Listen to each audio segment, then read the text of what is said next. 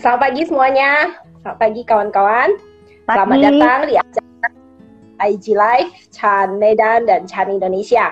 Hari ini kita akan mengadakan bincang-bincang edisi Mindful Parenting dengan judul uh, Gelar Tanpa Sekolah. Perkenalkan, nama saya Sumi. Saya moderator hari ini dan hadir bersama saya hari ini adalah sahabat saya, teman untuk berbagi perjuangan parenting dan juga teman diskusi bagaimana untuk menerapkan mindfulness atau praktek Chan ke dalam proses mengasuh anak dan membesarkan anak. Nah, mari kita sambut narasumber kita hari ini, Wiratna Sari Wiguna. Pagi, makasih Sumi. Apa kabar teman-teman semua? Uh, hari ini saya rasa diskusi kita lebih enak kalau kita uh, tiga arah, di mana ada Sumi sebagai moderator, ada saya dan ada peserta. Jadi hari ini saya akan banyak mengajak um, interaksi ya, teman-teman bisa ikut interaksi lewat kolom chat. Uh, mungkin saya perkenalkan diri dulu. Uh, saya temannya Sumi. uh, sebetulnya di, untuk parenting uh, mungkin sebagian teman-teman di sini ada yang sudah lebih berpengalaman. Untuk saya sendiri, pengalaman saya baru 11 tahun lebih. Gitu. Tapi um, kebetulan karena kita, uh, saya memulai peran parenting ini uh, hampir berbarengan dengan saya belajar Chan dan juga uh, sebelumnya juga ada belajar tentang mindfulness. Jadi uh, termasuk teman saya Sumi juga mempelajari hal yang sama, makanya kita sering berbagi mengenai parenting ini suka dukanya sama uh, bagaimana sih praktek kita bisa dibawa ke dalam peran kita sebagai parent gitu. Nah sebelum saya mulai, saya mau uh, tanya ke teman-teman di sini, siapa yang belum menjadi parents? Mungkin bisa kasih jempol. Kasih Oh, yang belum parent jempol. Harusnya ya. parent ya jempol Oh, nggak apa-apa. Nanti yang yang parent ada gilirannya. yang belum menjadi ya. ada nggak yang uh, apa belum menjadi parent?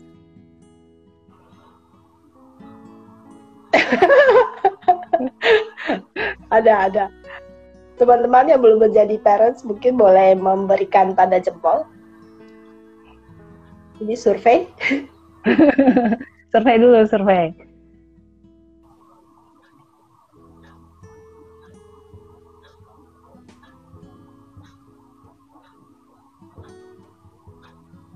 Wah, lumayan banyak nih. Lumayan. Berarti eh, nggak uh, semua ikut di sini parents kali ya.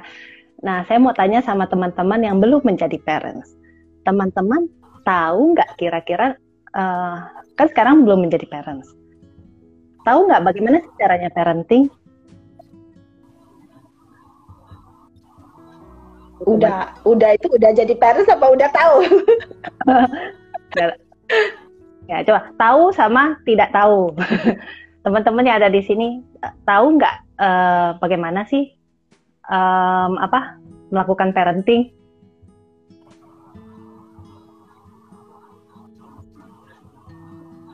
Anak dikasih makan ya. Berarti tahu ya. makan. Makan. Oh, tahu. harus kasih makan. Tahu. Okay. Ada yang tidak tahu. Ada yang ragu-ragu. Ragu-ragu. Apa enggak ya? nah, sekarang uh, gantian pertanyaannya buat teman-teman yang sudah punya anak. yang sudah punya anak, apakah waktu begitu punya anak langsung tahu bagaimana ya melakukan parenting? Nih, kali ini buat giliran para orang tua, silakan tinggalkan komen. Apakah tahu bagaimana mendidik anak begitu saat menjadi orang tua? Oke.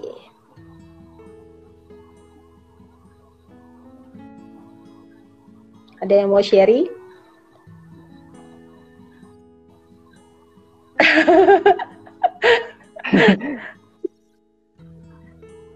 ya kadang-kadang uh, mungkin ada lag jadi teman-teman jawabnya juga uh, ada jarak waktu ya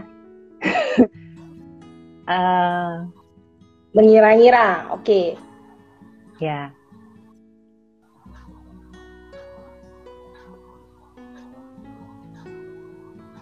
Oke, jadi sama seperti tadi, sebagian tahu, sebagian tidak tahu, sebagian mengira-ngira, sebagian bingung tahu apa tidak tahu. Hasil survei terbaik oh, ya, dapat kelas kaca atau enggak? Wah ini kita tanya moderator. kita tanya kepada komunitas Chan, mungkin bisa tupperware. Oke, silakan lanjut. Oke, saya lanjut ya. Um, biasanya kita itu disebut sebagai orang tua atau parents ketika kita punya anak. Bener gak? Begitu punya anak, melahirkan langsung, oh selamat, sudah jadi ibu sekarang, sudah jadi bapak sekarang. Jadi tiba-tiba kita dapat gelar ibu dan bapak. uh, tapi gelar ibu dan bapak ini sebetulnya um, seperti dengan gelar itu mengikuti juga banyak hal-hal yang tersirat di dalamnya. Misalnya kita anggap ibu itu pasti pengasih, ya kan? Orang tua itu punya bonding sama anaknya, punya ikatan emosi, punya naluri keibuan. Itu biasanya uh, pandangan umum ya, pandangan umum tentang orang tua itu seperti itu. Uh, tentu saja juga ada uh, apa pandangan mengenai uh, bagaimana yang seharusnya dilakukan sebagai orang tua gitu. Nah, ibu uh, mesti jago masak katanya. Iya, ada juga yang begitu. Jadi ibu harus jadi pintar masak karena kenapa? Karena parenting itu kan namanya parenting. Kalau gini, bicycling atau running berarti sedang berlari. parenting sedang menjadi orang tua. Uh, menjadi orang tua itu ngapain aja sih gitu kan? Uh, parenting itu banyak diartikan sebagai membesarkan dan mengasuh anak. Jadi yang dilakukan para parent atau orang tua itu adalah membesarkan anak, membimbing anak tidak hanya dari segi fisiknya yang artinya kita kasih makan, kita rawat gitu supaya tumbuh sehat, besar, tapi juga secara mental, emosional. Kita peduli sama uh, kesejahteraan dia secara mental ya, uh, dibanding emotional well-being. Kita peduli pada perkembangan sosial emosionalnya. Uh, jadi parenting itu sebetulnya tidak cuma soal uh, kita kasih makan biar gede gitu, tapi juga bagaimana kita membesarkan dia, kita uh, apa me, istilahnya menumbuhkan lah ya anak-anak itu dari kecil sampai menjadi manusia yang uh, dewasa gitu. Nah, apakah parenting ini secara alami muncul? Begitu kita jadi parent, apakah kita tiba-tiba jadi punya semua kemampuan parenting ini? Kan tadi biasanya gini kan, parent itu harus bisa mendidik anak, membesarkan anak. Apakah secara otomatis kita uh, punya? Nah, tadi kan saya tanya nih, teman-teman yang belum punya anak, udah tahu belum? Ada yang udah tahu, ada yang belum tahu, ada yang ya kira-kira lah ya. Nah, begitu punya anak, uh, apakah kita tiba-tiba tahu? Nah, saya tanya sama Sumi, Sumi begi, tadinya sebelum punya anak tahu nggak parent itu ngapain aja? Terus apakah begitu uh, anaknya lahir, ceng ceng tiba-tiba dapat pengetahuan banyak gitu, bagaimana membesarkan anak? Hmm, kalau saya pribadi sih tidak ya, karena saya dari kecil juga tidak mengasuh adik-adik gitu. Jadi ketika baru mendapat uh, melahirkan anak, saya juga bingung ini mau ngapain gitu. Bahkan tidak hanya itu pernah satu kejadian saya ke rumah kakak saya bawa bayi saya berumur satu bulan. Nah karena bayinya tertidur jadi saya taruh di sofa bed. Ya, saya ngobrol dengan kakak saya. Setelah selesai mengobrol saya mengajak suami saya pulang. Pas saya lihat ke sofa bed itu heh kok ada bayi ya bayi siapa itu Jangankan menguasai kemampuan mengasuh anak, saya bahkan tidak ingat kalau saya punya anak gitu. Ya, uh, nah ini ini sharing dari sharing pengalaman langsung kan ya. Uh, saya saya sebetulnya mengalami pengalaman yang sama juga. Ketika saya pertama kali punya anak, senang sih bahagia. Dulu kan waktu saya kecil ya, saya ingat saya pernah lihat iklan di TV ada orang melahirkan gitu ya. Uh, saya sebenarnya lupa sih itu iklan apa, tapi ada ibu melahirkan, terus begitu anaknya bayinya yang baru lahir itu dikasih kedekatan ibunya, ibunya tuh langsung melihat dengan tatapan penuh kasih, penuh sayang, terus keluar air mata gitu. Saya ingat saya pernah bertanya sama kakak saya waktu saya nonton itu. Kan dulu saya masih kecil. Saya taunya kalau senang itu ketawa, nangis itu sedih. Jadi saya tanya kakak saya, dia kenapa nangis? Emang bayinya kenapa gitu? Kakak saya bilang, e, itu dia bukannya nangis sedih, itu namanya terharu, bahagia sekali sampai dia meneteskan air mata. Oh, jadi saya merasa, oh gitu ya. Saya pikir, oh, mungkin semua ibu yang melahirkan akan merasakan perasaan haru biru itu gitu. Nah, uh, tapi saya sendiri ketika saya melahirkan anak pertama saya, uh, saya proses saya melahirkan itu agak lama. Jadi penuh perjuangan gitu ya, melahirkan normal. Terus begitu anak saya lahir, saya rasa perasaan yang dominan pada saat itu adalah lega.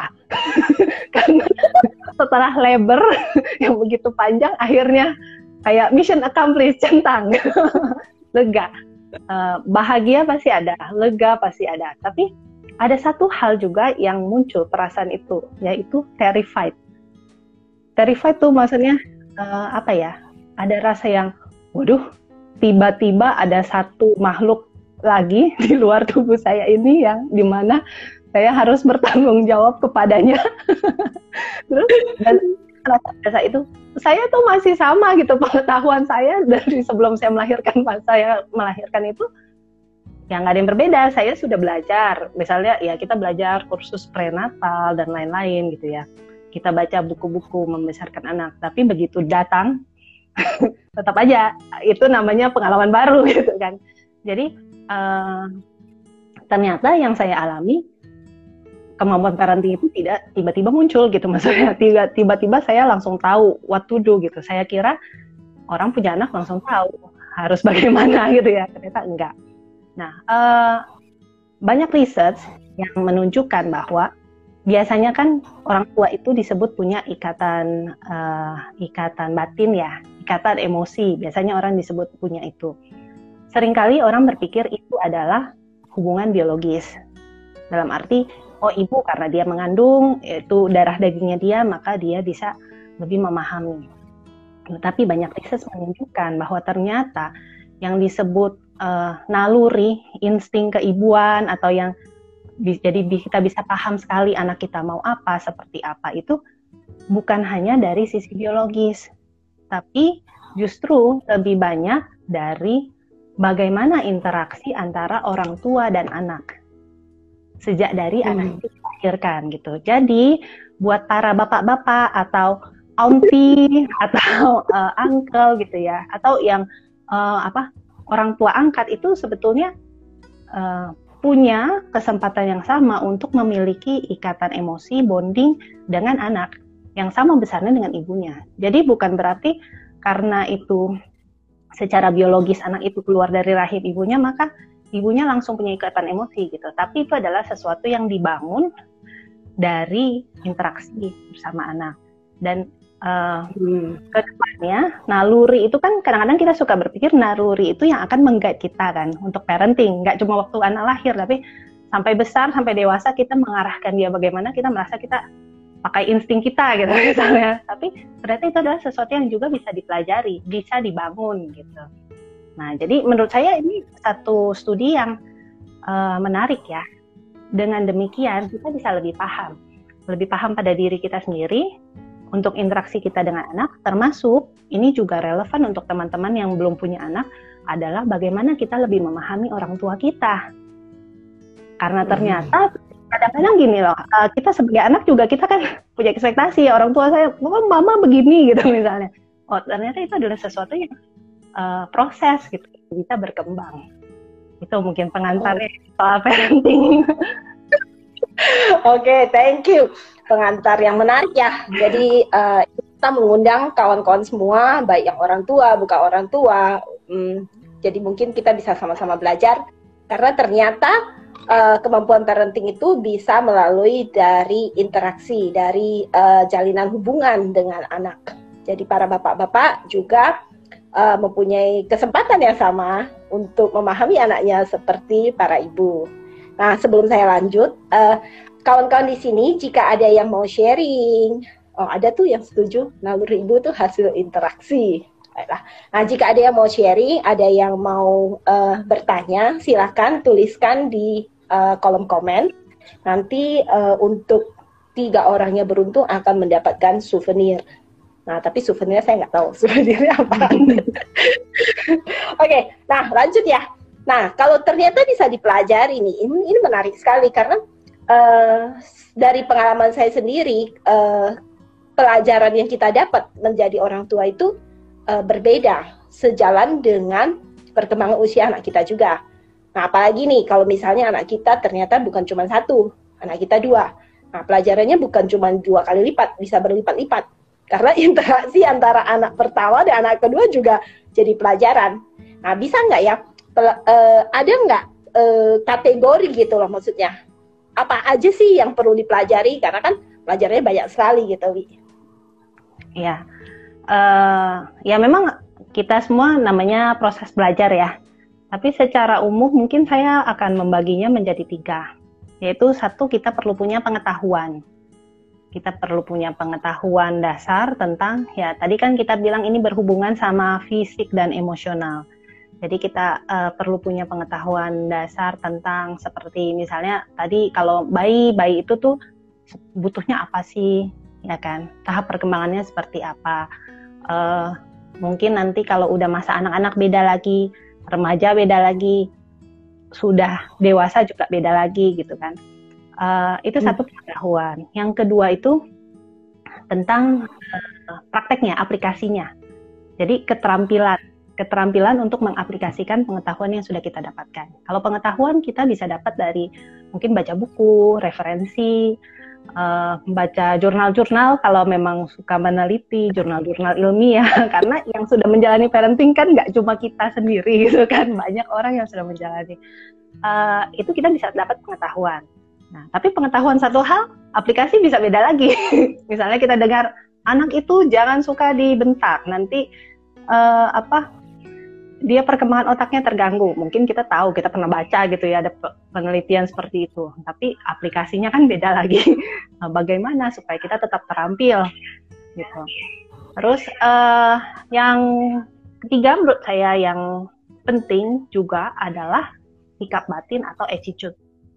Gitu. Nah, hmm. nanti kita mungkin kita akan bahas tiga-tiganya itu. Nah, untuk attitude ini akan berkaitan dengan uh, praktek kita.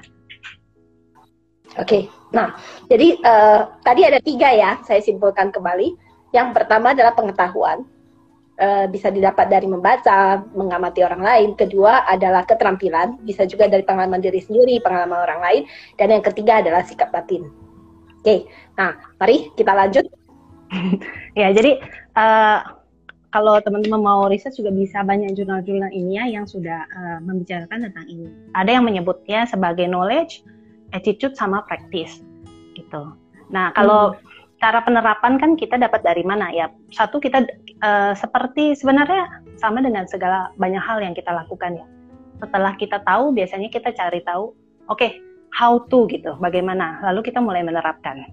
Tapi hmm. kenyataannya tak ada satu buku manual yang paling tokcer untuk melakukan peran parenting, benar gak? Karena. Kenapa? Setiap anak itu kan individu yang berbeda, punya karakteristiknya beda-beda. Kita juga sebagai hmm. orang tua itu punya karakter yang berbeda-beda. Jadi nggak tidak ada satu cara fit all gitu. Aku rasa ini satu pengetahuan yang kita perlu tahu juga ya. Uh, jadi banyak banyak cara gitu. Bagaimana kita bisa menemukan cara yang yang cocok buat kita adalah dengan cara salah satunya ya dengan menjalankan, menjalankan dan mengobservasi ini ini hmm. berhasil nggak ya? Nah, terus bisa juga dari tukar pikiran, berkomunikasi sama teman-teman yang juga mengalami sesama praktisi parenting gitu, sama sesama orang tua gitu bisa tukar pikiran juga.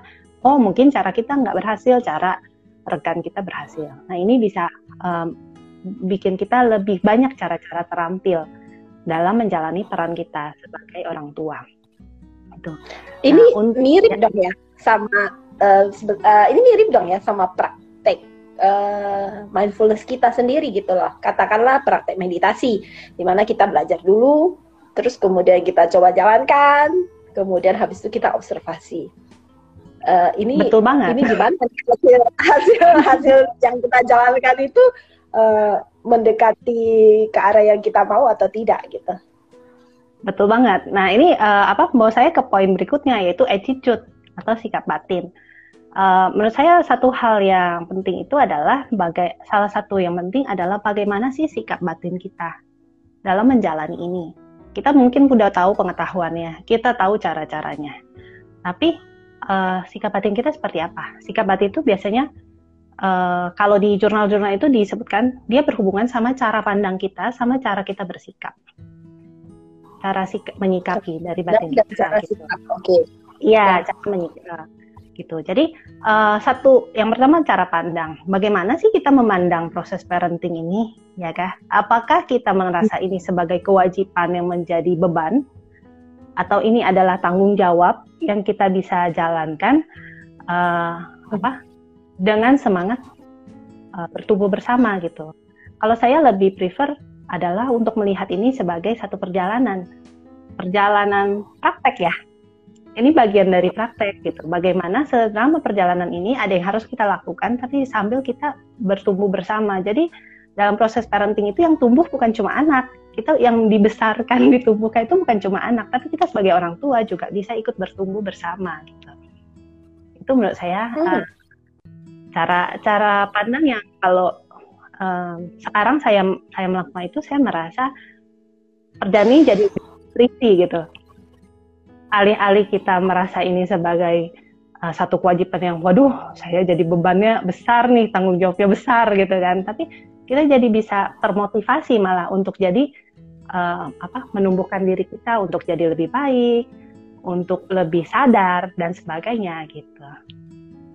Hmm, ya karena perbedaan cara pandang itu ternyata pengaruh ya. Satu bisa kita uh, sikapi sebagai beban, atau kita anggap itu tanggung jawab atau itu kesempatan untuk bertumbuh. Nah, kalau kita melihatnya sebagai kesempatan bertumbuh, ini berarti uh, dua-duanya untung ya.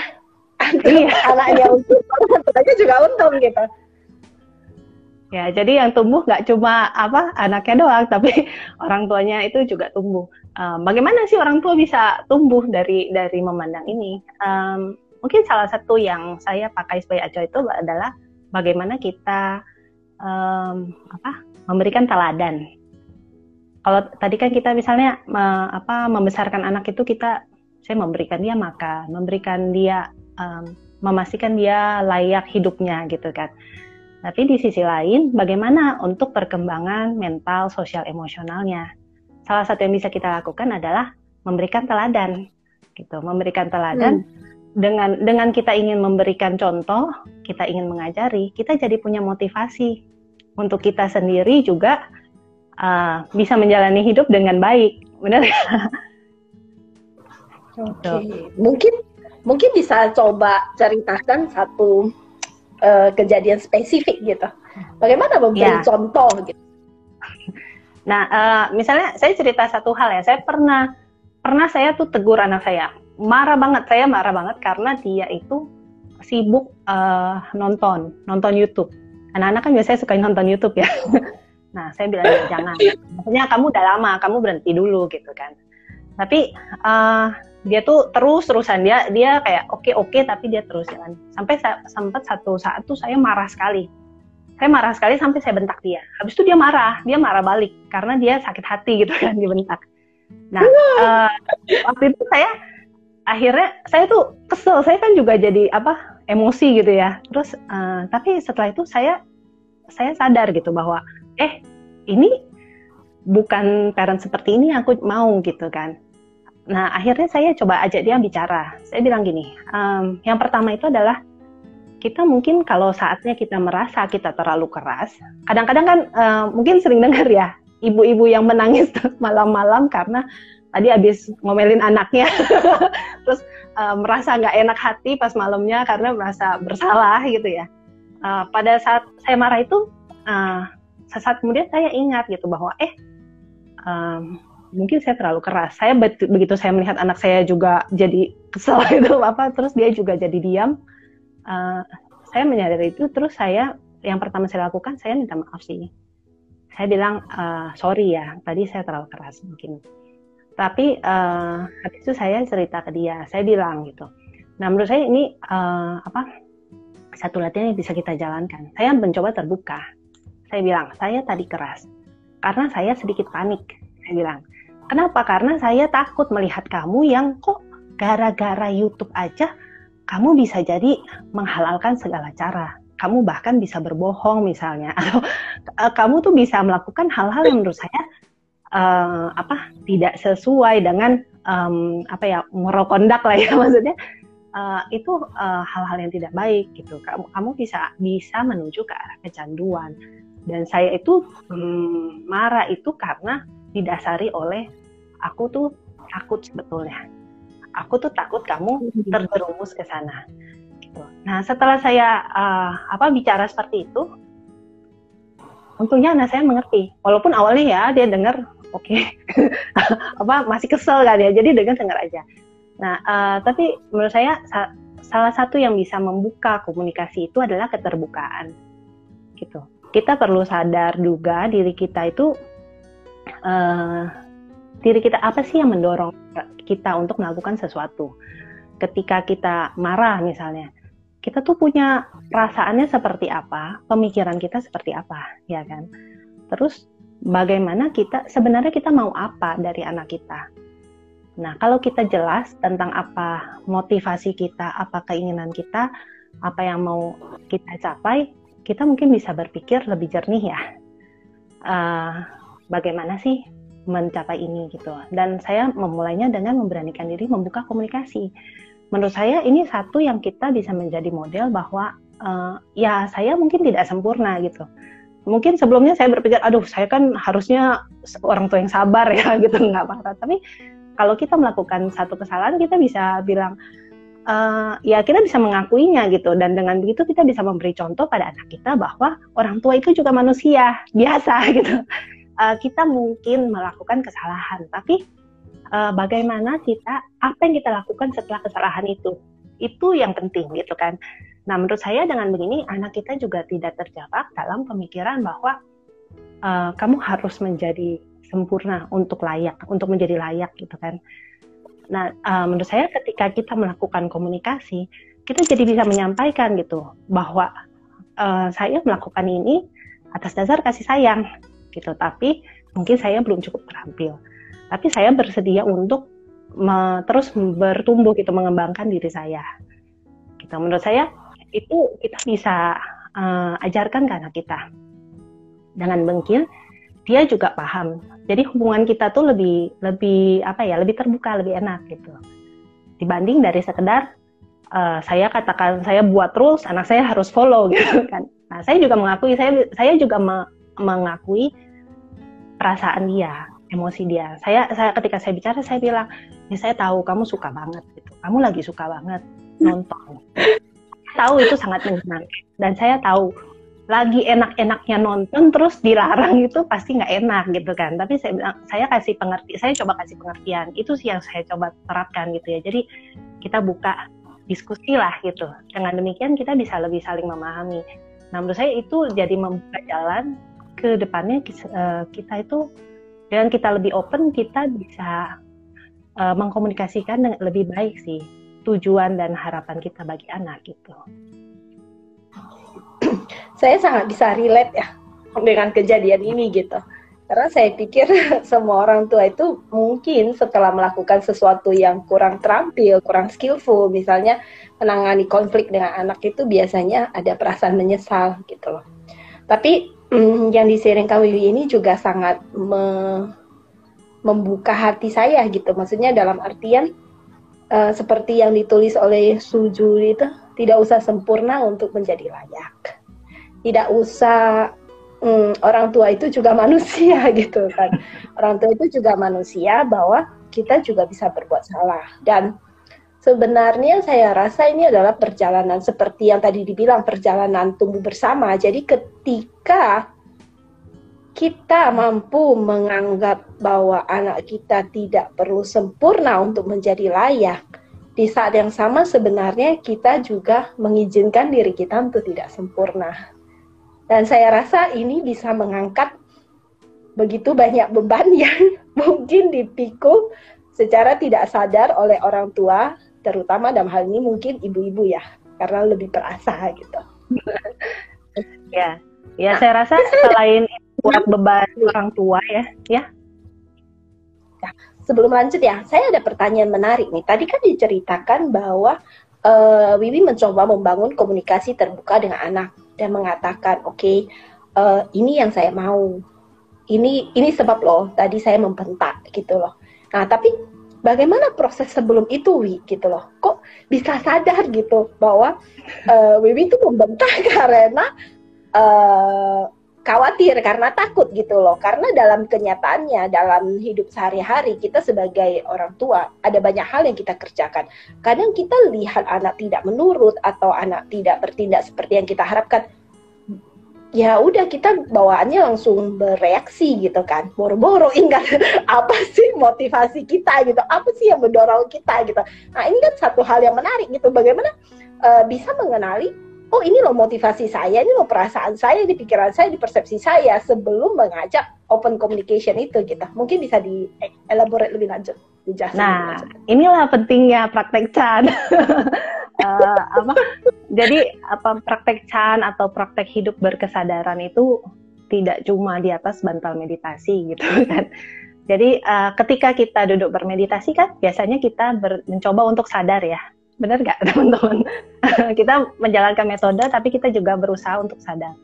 Sadar oh saya seperti ini gitu. Pemikiran yang muncul seperti ini perasaannya seperti ini. Nah ini kan bisa juga diaplikasikan ke dalam hidup sehari-hari kita di luar dari bantal meditasi kita. Ketika kita bertindak ketika kita melakukan sesuatu kita bisa melatih kesadaran kita. Melatih kesadaran kita untuk kita tahu kita itu sedang melakukan apa kita itu punya pemikiran apa kalau ada atau kita itu punya perasaan apa. Nah, menurut saya di sinilah uh, kenapa penting untuk berlatih gitu, berlatih hidup berkesadaran. Dengan demikian, karena kita sering berlatih, kita sering uh, melatih kesadaran kita, makin lama kita makin uh, makin sering momen sadarnya, ya kan? Jadi ketika emosi itu muncul, kita uh, kita aware gitu, kita sadar. Berarti prosesnya lagi-lagi sama ya, masa mirip lah dengan proses kita bermeditasi gitu loh, di mana kita menyadari apa uh, pikiran, perasaan, persepsi yang muncul. Jadi dengan kita sering berlatih di bantal meditasi, ya kita juga bisa membawanya ke keseharian kita, begitu kan ya? Iya. Jadi, okay. uh, eh, nah, nah, ya itu juga yang sebenarnya menyemangati saya. Uh, terus terang waktu saya pertama kali punya anak, punya baby itu kan repot ya, kurang tidur, ngantuk gitu kan, banyak urusan, uh, pasti sulit untuk mencari waktu untuk uh, sitting gitu, duduk.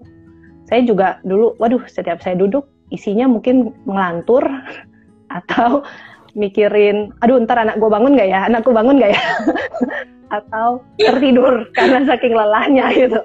Eh, kadang-kadang uh, mungkin kita berpikir ya buat apa? gitu kan. Buat apa lah berlatih lah? Isinya cuma ngantuk ngelantur atau, worry gitu kan. Tapi sebetulnya uh, apa ya satu langkah kecil itu membuat kita tak pernah berhenti. Kita terus baby step ya. Kita melangkah sedikit sedikit sedikit. Nggak apa-apa kita uh, coba aja kita tetap melatih kalau kita merasa diri gagal ya tetap kita semangati kita latih lagi uh, agar latihan kita tetap berkelanjutan gitu.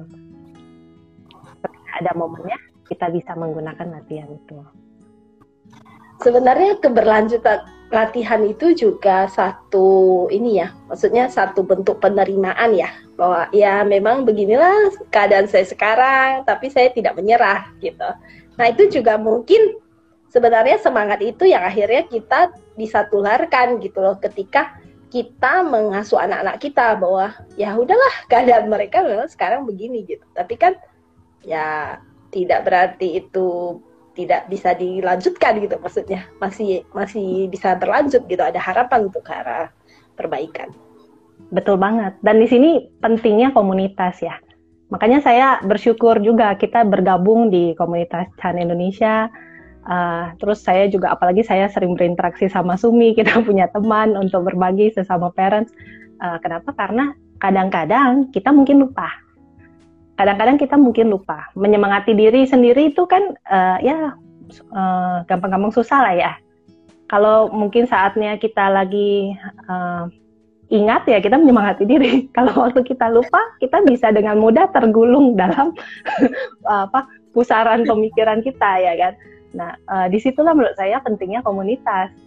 Di, kenapa kalau di komunitas itu kita bisa berbagi, kita juga dapat motivasi, kita juga sering diingatkan. uh, sering diingatkan. Saya sangat apresiasi loh. Uh, kita punya teman di komunitas yang setiap pagi tanya, sudah meditasi hari ini? Mungkin kita baca waktu kita habis ngamuk gitu. oh iya. Jadi komunitas, peran komunitas juga besar sih buat buat uh, buat saya ya pengalaman saya begitu. Ya, jadi kalau misalnya mau mengamuk, hmm, bacalah WhatsApp grup komunitas. Ada ajakan bermeditasi mungkin bisa meredam. Nah, tapi uh, saya lanjut sedikit ya. Uh, memang benar sih, uh, ada pepatah yang mengatakan dibutuhkan satu kampung untuk membesarkan seorang anak menjadi anak yang baik memang untuk membesarkan anak itu tidak hanya peran ayah dan ibu gitu. Nah, dan saya kira ini juga salah satu undangan untuk teman-teman di sini yang belum menjadi orang tua bahwa teman-teman uh, juga bisa menjadi paman, menjadi bibi atau ya menjadi kakak lah bagi anak-anak kita gitu loh. Jadi uh, sebu seorang anak itu bisa bertumbuh dengan mengamati lingkungannya. Jika teman-teman semua di sini kita semua bisa uh, mencoba lebih mindful, saya kira itu juga akan membawa pengaruh yang sangat baik ya buat anak-anak kita di masa depan. Setuju? Ya, setuju.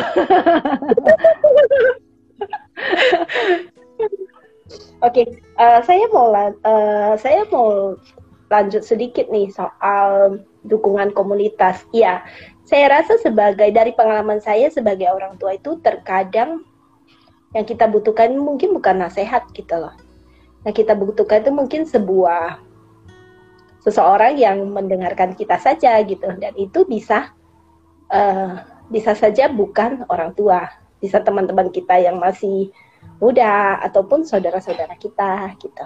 Dan saya sendiri ada satu pengalaman menarik. Ada satu hari saya mumet banget, saya ingat. Saya sudah tidak tahu bagaimana menghadapi anak saya. Karena rasanya yang saya omongkan itu seperti ke tembok gitu. Tidak ada perubahan reaksi gitu. Terus saya mulai meng, um, bercerita aduh saya mentok nih dan tiba-tiba Wiwi mengirimkan saya makanan. Ya makanan serupa di depan rumah saya. Dan saya sangat senang sekali gitu lah apresiasi banget gitu. Karena uh, bukan makanan ya makanannya juga makanan favorit saya sih. Tapi makanan itu juga favorit anak-anak saya. Jadi akhirnya itu momen momen itu malah jadi satu momen di mana saya kayak rekonsiliasi gitu, rekonsiliasi sementara melalui makanan. Nah, jadi saya sangat appreciate itu gitu. Nah, buat teman-teman semua mungkin itu juga bisa jadi salah satu ide ya.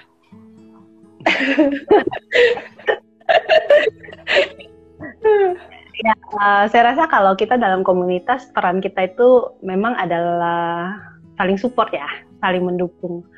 Dan uh, untuk itu kita perlu punya keterbukaan sih, keterbukaan pikiran dan keterbukaan hati ya.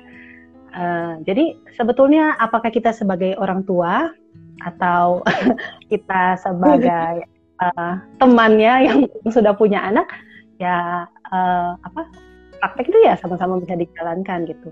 Dan menurut saya lebih jauh lagi pengalaman untuk parenting itu sebetulnya bisa menjadi insight kita juga untuk um, menjalin hubungan yang lebih baik dengan orang tua kita. Menurut saya, ketika ketika kita kayak tadi kan kita bilang, oh jadi parent itu tuh nggak semata-mata kamu langsung jago gitu kan. Nah mungkin, hmm. nah ini ini saya rasa berlaku untuk kita semua karena kita semua kan punya orang tua ya. Itu bisa menjadi satu um, apa titik balik di mana kita itu bisa lebih menerima orang tua kita kadang-kadang kan kita mungkin punya ekspektasi terhadap orang tua kita. Kita mau, hmm. mama saya tidak begini, papa saya tidak begini. Kan uh, sekarang-sekarang ini banyak studi yang menunjukkan bahwa bagaimana kita berlaku saat ini sangat dipengaruhi oleh masa kecil kita. Bagaimana kita dibesarkan, di lingkungan seperti apa, apa yang diajarkan itu membentuk kita pada saat ini. Juga membentuk bagaimana cara kita melakukan parenting gitu. Tapi menurut saya pengetahuan ini kita perlu lihat dengan hati yang terbuka. Hati yang terbuka ketika kita tahu, oh saya dulu masa kecil begini, mama saya soalnya suka ngajarin seperti ini, papa saya ngajarin seperti ini. Kita melihatnya dengan hati yang terbuka dan bukan menghakimi gitu. Kadang-kadang uh, saya kadang dengar teman-teman uh, sharing gitu ya, kadang-kadang merasa, hmm, ya soalnya dulu ya orang tua saya begini gitu ya. Menurut saya ketika kita memahami bahwa oh orang itu berlaku ya karena dorongannya, karena cara pandangnya kita jadi lebih terbuka, kita lebih bisa menerima juga orang tua kita apa adanya. Bahwa orang tua saya mungkin tidak fit in dengan deskripsi di kepala saya mengenai orang tuanya harus begitu begitu. Nah, dengan demikian kita juga bisa menjalin hubungan yang uh, lebih sehat, yang lebih menutrisi antara kita dengan orang tua kita. Makanya tadi saya bilang perjalanan parenting ini adalah satu perjalanan yang buat bagi saya sih perjalanan yang sangat menutrisi di mana kita bisa bertumbuh bersama. Karena kita itu uh, tidak hanya relationship kita dengan anak bukan semata-mata itu tapi uh, pada akhirnya kita bisa menerapkan ini juga pada hubungan kita dengan orang tua maupun hubungan kita ke orang-orang lainnya ya kan? Orang-orang teman-teman kita juga sama uh, kenapa karena kita jadi lebih uh, lebih terbuka lebih memahami lebih bisa memahami orang lain gitu menyenangkan sekali ketika membayar.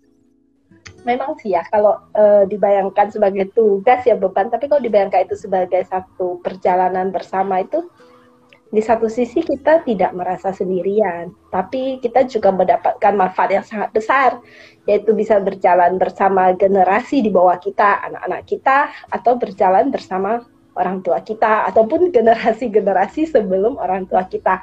Karena memang sih saya uh, juga melihat bahwa orang tua kita mungkin juga melakukan apa yang menurut mereka terbaik berdasarkan situasi mereka saat itu, pola pandang mereka saat itu, kebijaksanaan mereka saat itu gitu loh.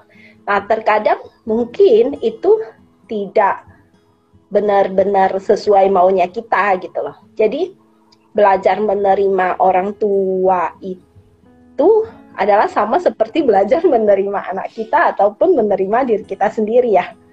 Iya.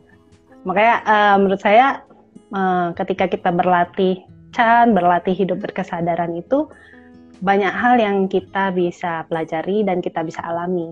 Selain kita berdamai dengan diri kita sendiri, kita jadi bisa berdamai dengan orang-orang lain di sekitar kita juga. Gitu. Saya ada satu pengalaman. Saya rasa selain berdamai dengan uh, sekeliling kita, kita juga berdamai dengan diri sendiri ya. Sama satu proses lagi, saya merasa setelah saya menjadi orang tua itu, saya punya kesempatan untuk healing. Karena seperti tadi yang Bibi bilang, bahwa kita kan terbentuk dari pengalaman masa kecil kita, bisa baik ataupun buruk gitu loh. Nah, saya ada satu kejadian saya share.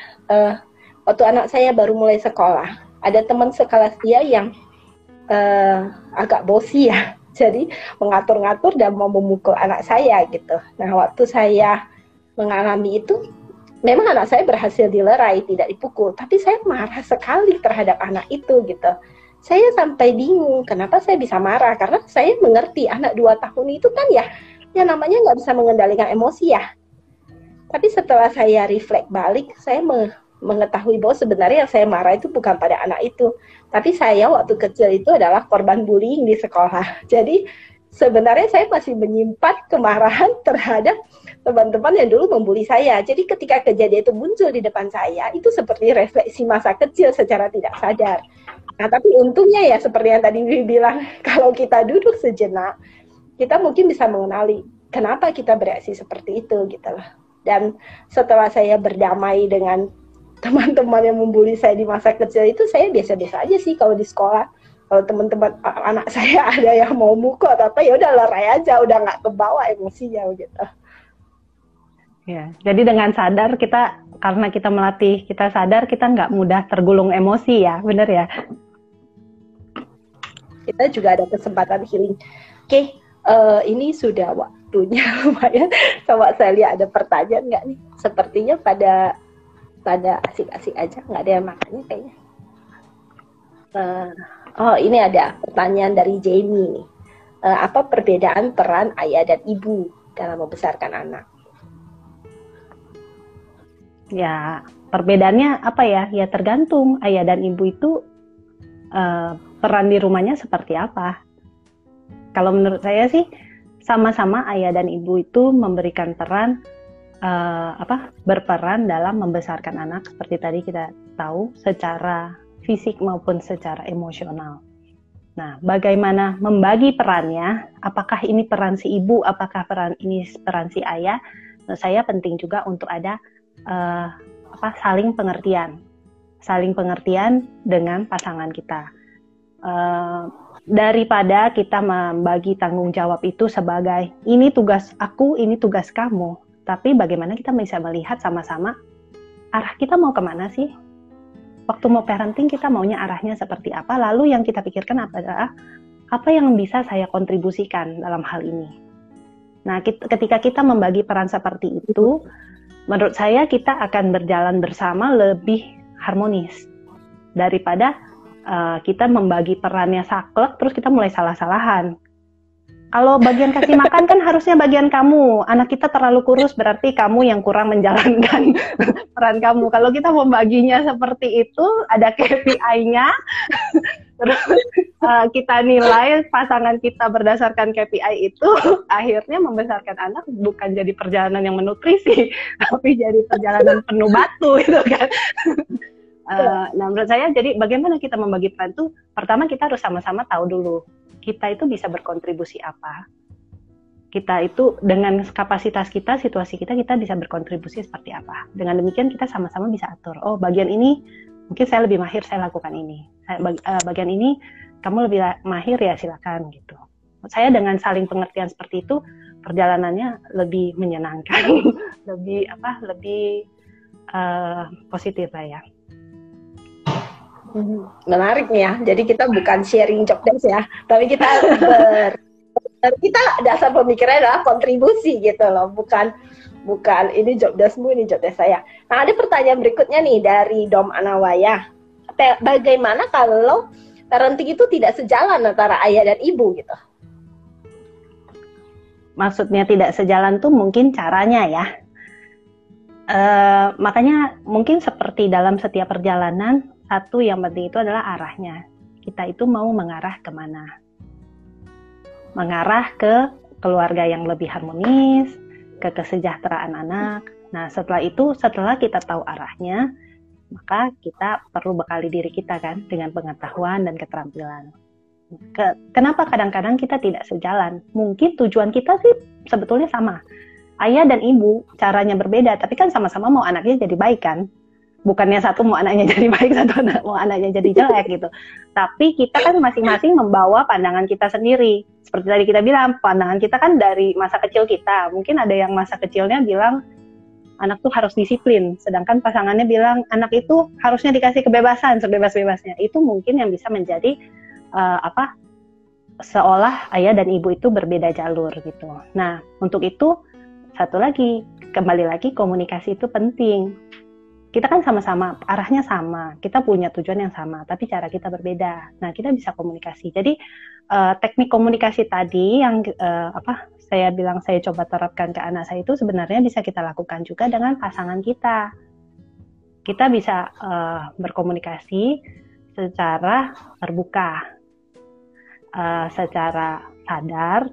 Kita, uh, bagaimana tekniknya? Kita itu satu kita tahu apa yang kita mau sampaikan dan kita kita juga sampaikan apa yang kita harapkan dari pasangan kita. Nah, pasangan kita juga sama, dia juga bisa sampai. Kita juga perlu membuka telinga, jangan kita karena gini ini komunikasi ya terbuka, saya buka tapi saya nggak mau dengar kamu gitu. ya jangan gitu juga. Kita juga perlu bersedia membuka hati kita, uh, membuka pikiran kita, kita dengarkan pasangan kita itu inginnya seperti apa, harapan dia terhadap kita seperti apa. Setelah itu baru bisa terjadi diskusi. Bagaimana ya kita mau melakukan ini gitu. Nah, ini kan masalah komunikasi ini berarti kepakai banget dong ya praktek cannya ya. ya, kan ada istilah apa? Uh, mindful communication ya. ya, maksudnya terkadang-kadang kita berkomunikasi itu untuk mencapai uh, fokusnya itu hanya ketujuan gitu loh.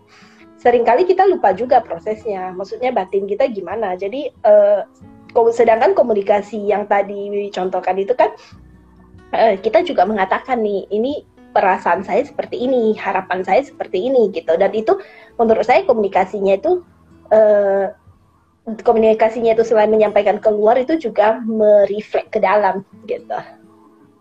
Bukan cuma saya maunya ini ini ini ini gitu.